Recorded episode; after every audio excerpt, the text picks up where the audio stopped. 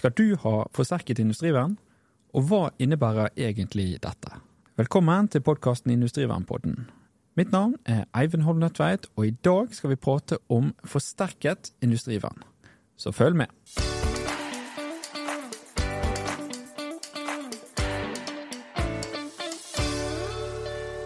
I dagens episode har jeg igjen fått eh, selskap av Knut Oskar Gilje, som skal dele sine tanker om forsterket eh, industrivern. Velkommen, Knut Oskar. Takk skal du ha, Eivind. Så dette her med forsterket industrivern, eh, skal ha det, skal det ikke? Mm. Det kan jo være litt vanskelig? Ja, det er vanskelig Ja. for mange.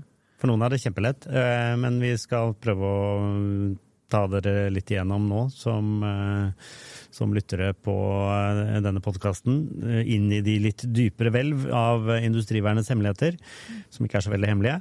Men eh, da er vi på eh, paragraf 14. Som er det vi kaller da kapittel, det første del av kapittel 3 i, i forskriften vår. Ja, fordi første kapittel det går på grunnleggende, mm. og så når man har kommet til paragraf 14, så går man over til et videre kapittel. Det er riktig. Og, de andre har dere selvfølgelig hørt på tidligere podkaster, hvordan vi har gått gjennom eh, paragraf 5 til, eh, til og med 13. Um, det vår jurist pleier å si, er jo at alle faktisk må lese paragraf 14 for å sjekke om de da har et krav om forsterkninger. Og det er det vi skal snakke litt mer om i dag. Ja, fordi hvem er det som skal ha dette her? finne frem eh, forskriften her, og, der står det i paragraf 14 at eh, det skal være et forsterka industrivern dersom uønskede hendelser i forbindelse med aktiviteten i virksomheten kan medføre én eller flere av følgende konsekvenser. Så kommer det en liste. Ja, og da er det veldig sånn spesifikt. Det er ganske spesifikt, ja. Og da er det fire ulike eh, konsekvenser, og det er Vi, vi starter med to eller flere alvorlig skadde personer i samme hendelse. Vi snakker også om en, en nummer to her, eller B som det heter i forskriften. Eksponering av personer utenfor virksomheten. Eh, C. Betydelige og langvarige miljøskader. Og den siste eh, punkt D her er betydelig materielle skader. Og hvis man driver med eh, risikofylt eh, næring, så kan jo dette her være ganske mange forskjellige virksomheter som kan medføre en forsterket, eh, et forsterket industrivern. Det er riktig. Eh, Det er noen typiske bransjer som, som har forsterkninger, eller har et forsterkningskrav i forhold til de punktene vi snakka om her. Ja, Eh, Og der er det, står det litt i veiledningen vi har laget til forskriften. Jeg anbefaler alle om å lese den, altså veiledningen også. Eh, Og der nevner det bl.a. smelteverk. Litt sånn åpenbart. Masse energi, eh, mye varme. Eh, olje- og petroleumsvirksomheter, altså store landanleggene. Eh, de som driver med treforedling, kjemisk industri. Skipsverft, avfalls- og gjenvinningsbransjen og deler av næringsmiddelindustrien er typiske eksempler. Eh, Det er ikke sånn at alle innenfor de bransjene per definisjon har det. Det er ikke sånn det er lagt opp. Det er basert på at man gjør risikovurderinger og kommer fram til da at vet du hva, hos oss er det faktisk mulig at to eller flere kan bli skadd i en hendelse. da er det et, et typiske eh, eksempler, men det utelukker ikke at det kan være andre typer næringer som har et forsterket Det er helt riktig. Så, så det er ikke sånn sjablong eller sånn, sånn skjematisk dette her. Man må faktisk gjøre en vurdering uh, på egen virksomhet basert på det som er uh, aktuelt for, for deg og dere nå. For det er også ting som kan endres. Kanskje man har slutta med noe som var ekstra farlig, eller man får en ny prosess som gjør at man plutselig må gjøre en ny vurdering. Og forsterkning, altså hva kan en forsterkning være da? Det er veldig typisk eh, utstyr og kompetanse. Eh, det kan også være krav til flere personer, fordi det er større og mer komplekse hendelser. F.eks. en, da en førstehjelpshendelse med flere skadde er jo kan det fort bli veldig dramatisk. Da må man ha både utstyr til å håndtere flere samtidig, man må ha kunnskap om, eh, om hvordan man skal håndtere flere samtidig skadde. Det som kalles triasjering, altså det å, å vurdere eh, skader opp mot hverandre, prioritere, eh, sånn at det er de riktige som får hjelp først. Eh, Som er en helt egen øvelse, som man da må ha kompetanse og kvalifikasjoner til å håndtere. Så det går på først og fremst, vil jeg si, kvalifikasjoner, men da selvfølgelig med tilhørende utstyr, tilpassa utstyr. Det er jo i denne verden her, eh, altså innen forsterkninger, at vi begynner å snakke om da dette med røykdykking f.eks., kjemikaledykking, som er spesielle eh, forsterkningskrav og spesielle krav i forhold til andre veiledninger og sånt enn enn vår egen forskrift. Da. Ja, for da begynner det jo å snakke om at eh, Industrivernet gjerne har nesten en egen brannstasjon. Ja, da, da, er det sånn, rett og slett. Det er, en ganske god beskrivelse, men, men, ikke nødvendigvis for alle. For en, en, virksomhet som har bare forsterkning, da, det som vi kaller det, innen førstehjelp, fordi man har muligheten til å, å skade mer enn én person i, i samme hendelse, mm. eller to eller flere, som det står da, eh, så, så, så er det ikke så store krav til stort utstyrslager eller noe sånt, men det er klart hvis du skal begynne å ha en brannforsterkning fordi du kan bli utsatt for store materielle skader, som det står her, eh, så må du begynne å ha alvorlig med, med slangemateriell, og du må kanskje ha pumper, og du må kanskje ha til og med en bil, som det er på en del av de store anleggene. Mm. Da, men dette her er litt viktig å understreke at det er for de virkelig store. Ja. Et vanlig industrivern, et grunnleggende industrivern, vil sjelden ha en sånn type eh, behov som, som det de store har. Ja, Og så er det igjen tilbake til risikoen i virksomheten. Ja, definitivt. Ja. Altså, si, det, og, og, det henger gjerne på uh, når du gjør en vurdering av forsterkningene i paragraf 14, så, så, kommer du til paragraf 15 som spesifiserer de forskjellige forsterkningene. og Jeg har allerede nevnt litt av det. Altså Det vi lister opp der, er førstehjelp, brannvern, miljø- og kjemikalievern, kjemikaliedykking og røykdykking. Ja. Som er disse vanligste forsterkningselementene som, som uh, trekkes frem. Og noen har bare én forsterkning, andre har opptil uh, fem-seks forsterkninger av de virkelig store anleggene. Med Såpass. mye risiko. Ja. ja. Da må de drive med Da driver vel de med litt risikofylt eh, arbeid? Det gjør de. Da er det veldig ofte farlige kjemikalier. Det er mye energi i, i omløp, og det kan uh, være store konsekvenser ved feil eller uh, ved hendelser der. Mm. Og da må de kunne stå i en hendelse kanskje langt over tid også, sånn at du har oppbemannet nok til å være robust i forhold til det. Ja, fordi det er også en tanke her med at hvis noe skjer, så så kan det være lang tid til nødetatene kommer også. Noen steder er det en problemstilling, ja. ja. Men, men, det er også, jo mer kompleks en virksomhet er, jo mer behov er det jo da for at uh, folk som faktisk kjenner prosessen, som kjenner uh, egenskapene de stoffene som er der osv., at de uh, bidrar veldig mye med en, en redningsinnsats sammen med nødetatene også når de kommer, som da kjente personer og, og folk som kjenner konsekvensene av en uh, hendelsesforløp, rett og slett. Mm. Altså at det ikke er bare akkurat det som skjedde med en gang, men hva, hva er en sannsynlig hendelsesforsterkning, for å kalle det det, mm. eller eh, en, uh, videre et forløp som kan være veldig mye mer dramatisk enn den første hendelsen. Ja, og slike hendelser med sånne potensielle alvorlige konsekvenser, det trenger jo også eh, altså støtte, eh, mm. overordnet støtte. Og der kommer jo også redningsstab ja, inn. Det er helt riktig. Det er eh, et av kravene i paragraf 15 også. Eh, er det med at man skal ha en redningsstab, som du sier. Det kalles jo krisestab eh, en del steder. Beredskapsgruppe. Ja, ikke sant? det er mange, mange, navn og begreper som brukes. Poenget er at det er et ledelseselement, altså at man skal kunne ta beslutninger på et, det som da kalles et strategisk nivå. Eh, for å mm, også støtte de som er ute og håndtere en situasjon som raskt kan bli ganske komplekst. Eh, og på de største anleggene så er det jo store anlegg, eller store anleggsområder. Mm. Så det å få begrenset uh, følgene av en hendelse til bare det opprinnelige stedet kan kreve at man må stoppe en prosess, man må stanse transportbånd osv. Ofte da fra, fra et, et kontrollrom. Mm. Men det må jo da også gjøres ut fra kunnskap om hva, hva som er fornuftig ut fra et prosessteknisk nivå, for å bruke sånne type uttrykk da, for den industrien. Så her kreves det omfattende kunnskap, og det kreves også innimellom vurderinger av ok, hva skal vi prioritere å redde. Ja, Så du må ha en såpass myndighet at du kan ta de store valgene for ja. virksomheten? Og da er ikke det hvem som helst som kan sitte der? Nei, det er ikke det. Og det, det, det, det er ofte koblet også mot uh, ja, type større virksomheter. Konserner og sånt er jo mm. da veldig opptatt av å, å, også være klar til å ta imot henvendelser både fra selvfølgelig pårørende, hvis det er noe snakk om personskader, men også fra kunder, fra, fra leverandører. Hva skjer? Uh, er det et avbrudd? Uh, er det noe som varer over lang tid? Vil det ha konsekvenser for våre leveranser, eh, det vi forventer fra dere, osv. Så, videre, og så, videre. så Så her er ledelseselementet er viktig. Mm. Eh, og det selvfølgelig, som jeg var inne på, med, med, med informasjon til pårørende. Eh, det må håndteres av de som kan det. Mm. Altså HR-avdeling, personalfolk og sånt.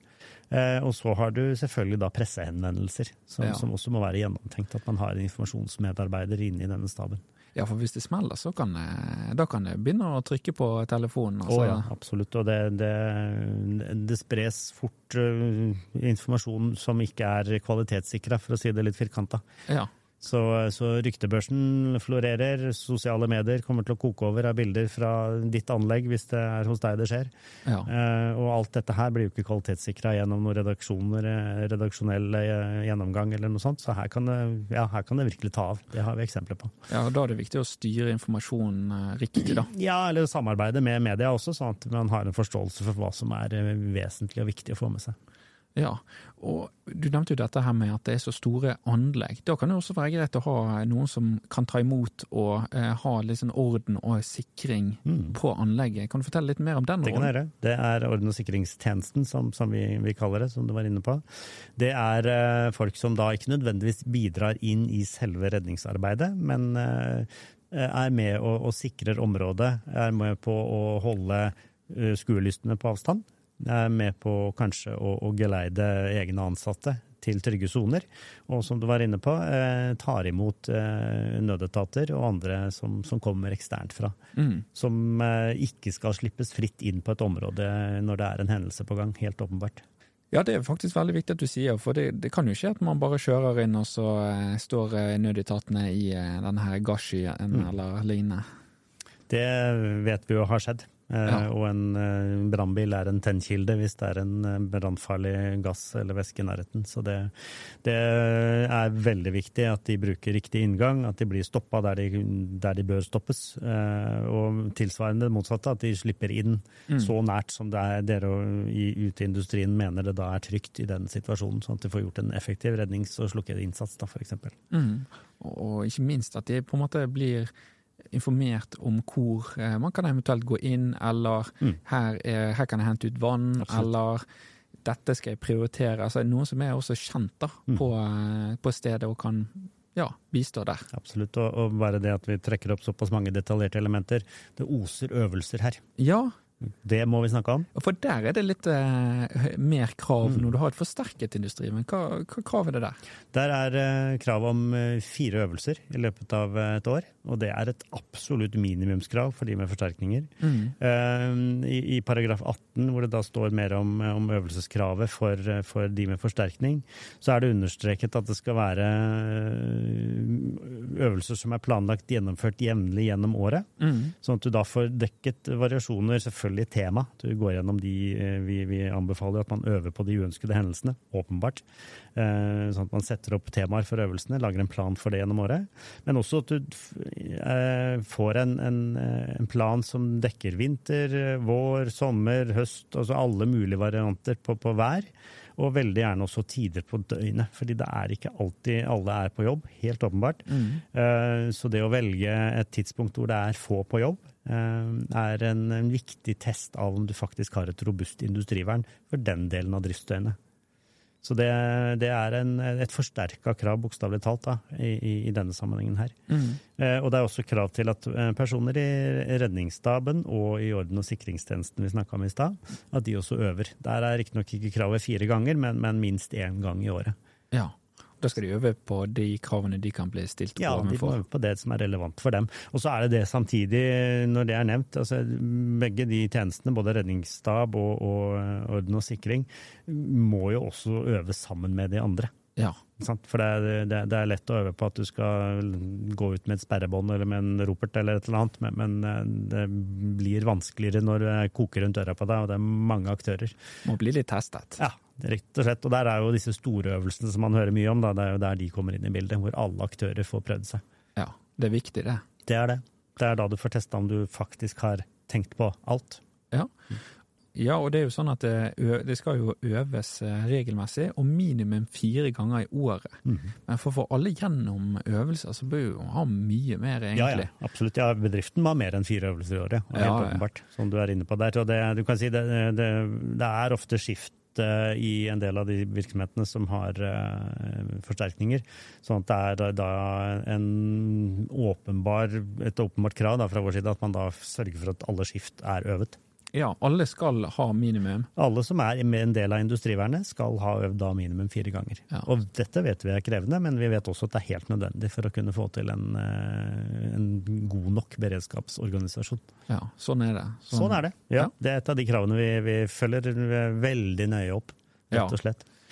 Så kan vi si eh, litt mer om, om de uh, Andre kravene, Ja, de andre for der er det også eller- utstyr og kvalifikasjoner. Ja, ikke sant? Der er det egne, fordi det er forsterkninger som da også gjelder utstyr, og som jeg var inne på innledningsvis.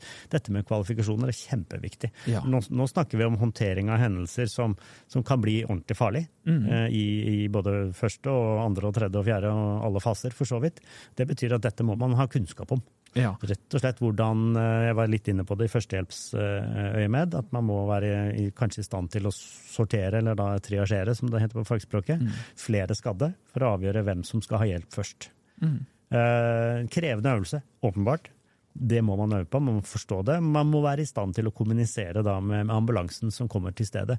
Et, et antageligvis ganske komplekst eh, skadested for, også for dem. Mm. Um, og de må jo også få en forklaring på hva, hva de er utsatt for, de Mm. som er skadd. Er det klemskader, er det kjemikalieskader, er, de, er det usynlige skader fordi de har eh, fått strøm gjennom seg? Alt dette her er, er dere industrivernet de beste til å kunne gi en informasjon om. Og for å sikre da et riktig pasientforløp da fra, fra ambulansen tar over. Ja, og der eh, et standard førstehjelpskurs eh, er vel kanskje ikke helt eh, eh, tilstrekkelig da. Da bør man kanskje se litt mer på hva er det som kan skje i virksomheten, Mm. og deretter øve på akkurat det. Absolutt. Og der er det, der er det også denne nye standarden for, for førstehjelpsopplæring i, eh, i industrien. Den er en god hjelper på dette. Men, eh, men du er inne på noe helt vesentlig der. Dere må få opplæring eh, i det dere har behov for. Og jeg har nevnt det ordet triasjering. Vi kan nevne ord som at man må kunne bruke torniké på å stoppe kraftige blødninger. Veldig krevende å gjøre riktig. Mm. Så dette må man øve på. Man må først kunne det, selvfølgelig, og så må man øve på det jevnlig. Eh, og, tilsvarende da på de andre fagområdene så er det større krav rett og slett til å håndtere farligere situasjoner, eller mer krevende situasjoner, som krever både riktig utstyr, men også riktige kvalifikasjoner. Mm.